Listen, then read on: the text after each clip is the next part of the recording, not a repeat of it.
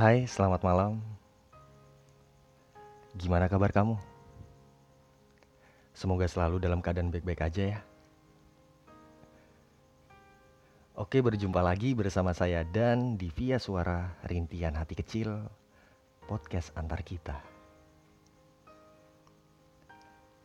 Malam ini saya akan membawakan sebuah tema yang gak jauh beda atau bisa dibilang masih sesepu masih sepupuan lah sama episode kemarin atau episode sebelumnya. Pada episode kemarin, saya sudah membahas tentang ditinggalkan atau meninggalkan. Dan pada malam hari ini, saya akan membahas tentang bertahan dalam suatu hubungan. Jadi sebelum aku nge-record podcast ini, aku udah ngasih beberapa pertanyaan di Instagram aku ya. Ya pertanyaan itu ya seperti ini. Apa sih yang membuat seseorang mempertahankan suatu hubungan?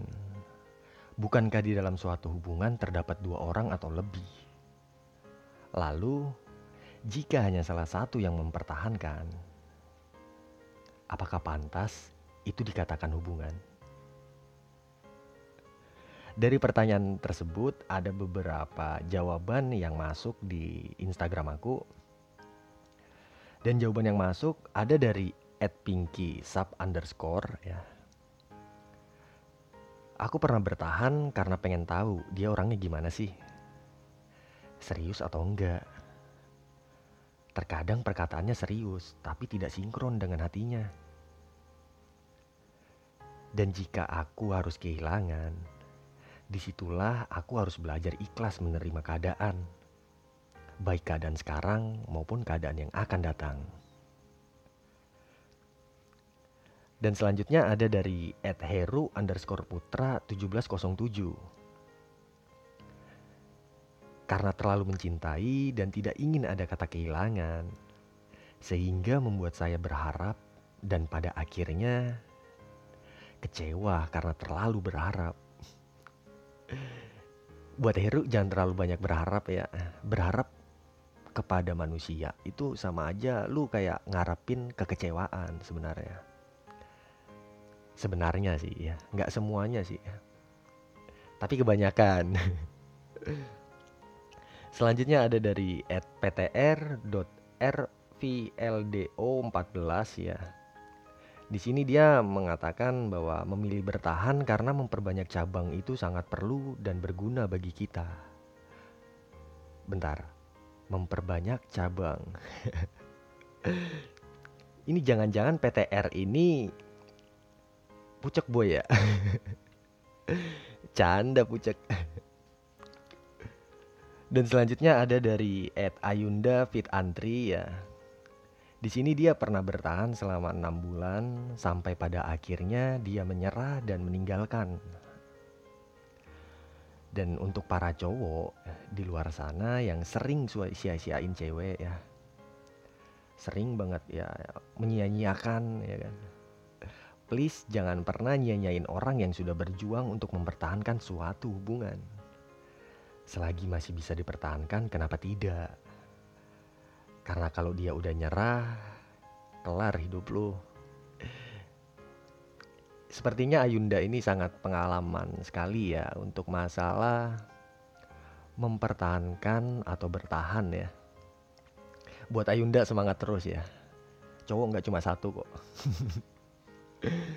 Oke, jadi dari beberapa jawaban tadi ya aku ada dapat satu jawaban yang menurut aku banyak banget pelajaran di dalam situ. Di sini dia nggak mau disebutin namanya, jadi ya mungkin kita bisa sebut sebut aja inisial A ya. Di sini inisial A ya menuliskan bahwa mempertahankan hubungan memang lebih susah dibandingkan proses pendekatan. Butuh kedewasaan lebih dan terus berpikir positif. Ketika aku harus memilih bertahan atau melepaskan, aku harus melawan egoku sendiri. Karena aku sadar, bahagiaku nggak sendirian. Dan untuk membuat sebuah hubungan bisa terus bertahan itu nggak mudah. Perlu ada rasa saling percaya dengan pasangan tentunya. Lebih dari itu perlu pembuktian untuk menunjukkannya. Ya emang sih, perempuan sangat butuh yang namanya pembuktian ya. Jadi nggak cuma sekedar omongan doang. Bener nggak buat kamu kamu hawa nih bener nggak? Tentunya bener dong. Dan di sini si inisial A ya ngasih pesan ya. Cowok terlalu malas untuk memulai hubungan baru. Butuh adaptasi dari awal lagi dan itu butuh waktu. So, pesanku di sini, pertahankan dia yang mau bertahan untukmu. Lepaskan dia jika memang dia layak untuk dilepaskan. Jangan biarkan semesta menertawakanmu. Kenapa aku nganggap jawaban ini adalah jawaban yang banyak sekali pelajaran karena ya emang sih dari jawaban dari atas sampai bawah menurut aku itu udah bener sih. Tapi nggak semuanya bener. Ya buat inisial A ya menurut aku ini menurut aku sendiri adalah tipe cowok yang mungkin bisa dikatakan ya udah dewasa lah dari cara berpikir dan cara menyikapi suatu hubungan tuh ya udah mantap lah.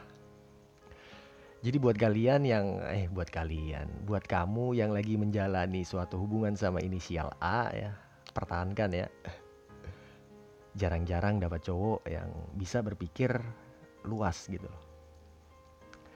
Bukan cuma jawaban aja di sini ada salah satu dari teman Instagram aku dari @ping nmhrn underscore 29 dia ngirim satu cerita ya pengalaman dia tentang bertahan dalam suatu hubungan. Di sini dia mengatakan saya pernah bertahan dalam suatu hubungan. Jadi dulu sekitar dua tahun yang lalu, bulan Mei kalau nggak salah.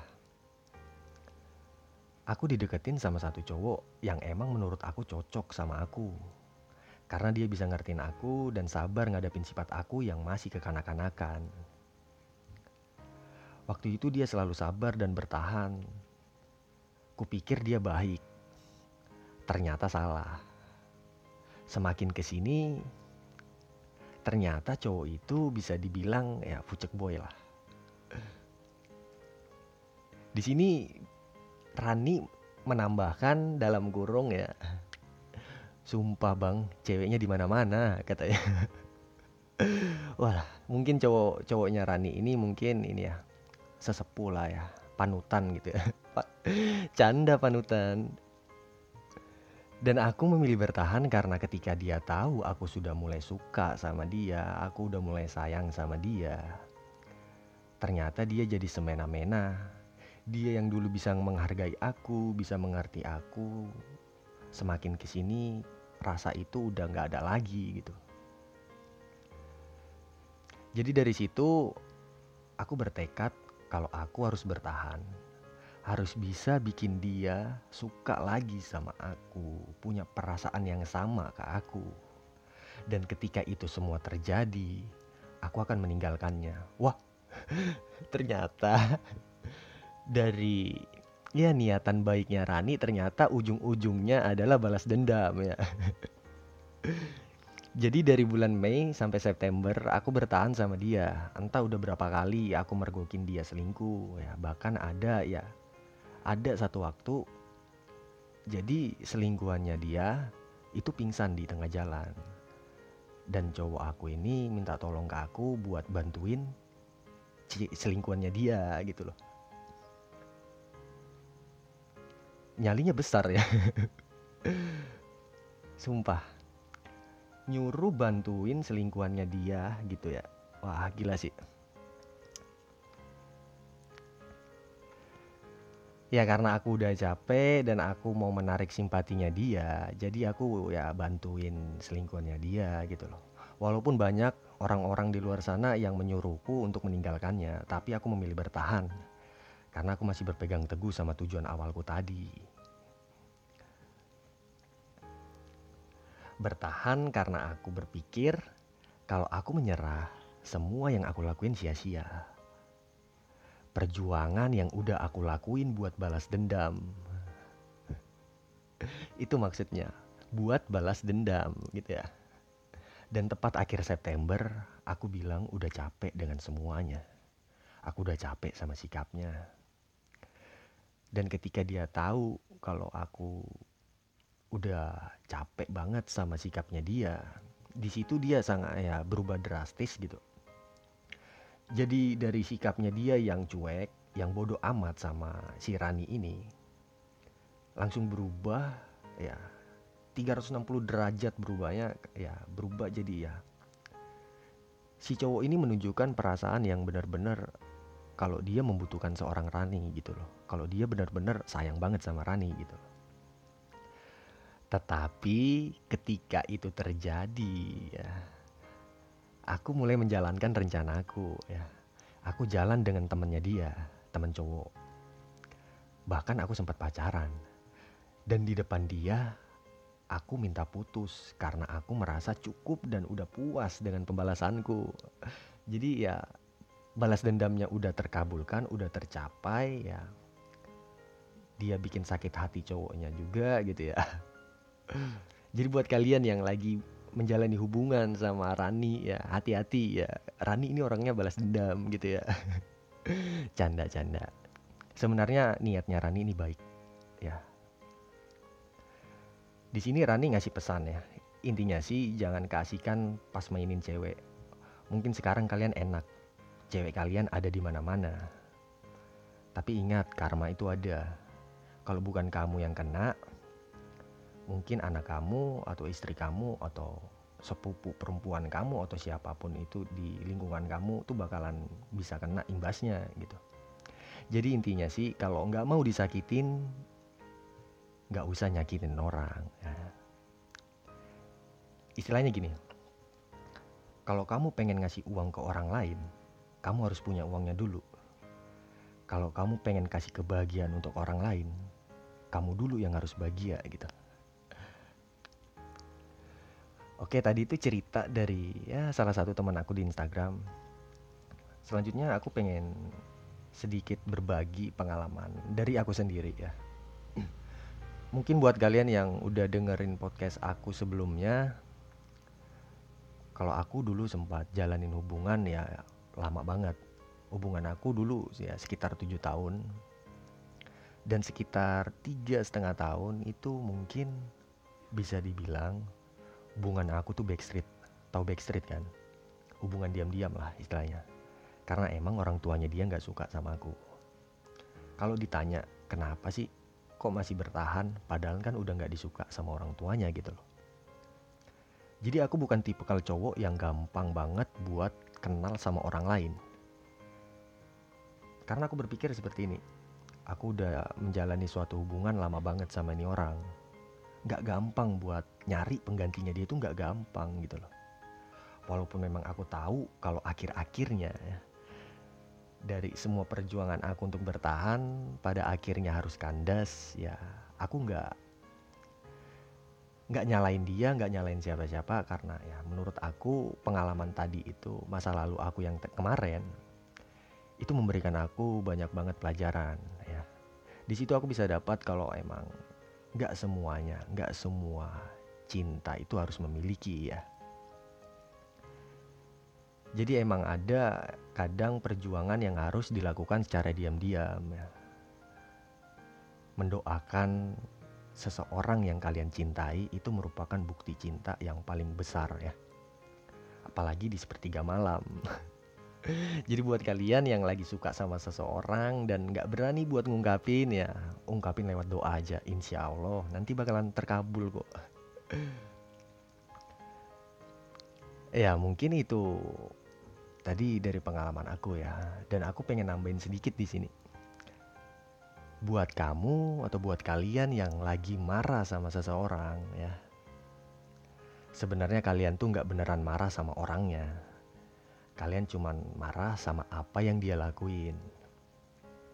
Dan kalau kalian sampai berpikir untuk mengakhiri suatu hubungan, sebenarnya kalian gak kepengen itu. Kalian cuma pengen dia gak ngulangin kesalahan itu lagi. Gak ngelakuin kesalahan itu lagi. Dan emang sih, kalau lagi marahan, emang gampang banget gitu buat ngingat kesalahan dia, ngingat keburukan pasangan kalian gitu. Tapi coba deh, sekali dua kali ingat kebaikan pasangan kalian. Gue yakin lebih gampang deh buat maafin. Saya Dan dari podcast antar kita. Ya, sampai berjumpa di podcast selanjutnya. Terima kasih yang sudah mendengarkan. Buat kamu yang belum mendengarkan, buruan deh dengerin ya. Banyak banget pelajaran di sini ya. Semoga bisa membantu kalian dalam menjalani suatu hubungan ya. Tetap jaga kesehatan, stay safe ya. Salam antar kita. Bye bye.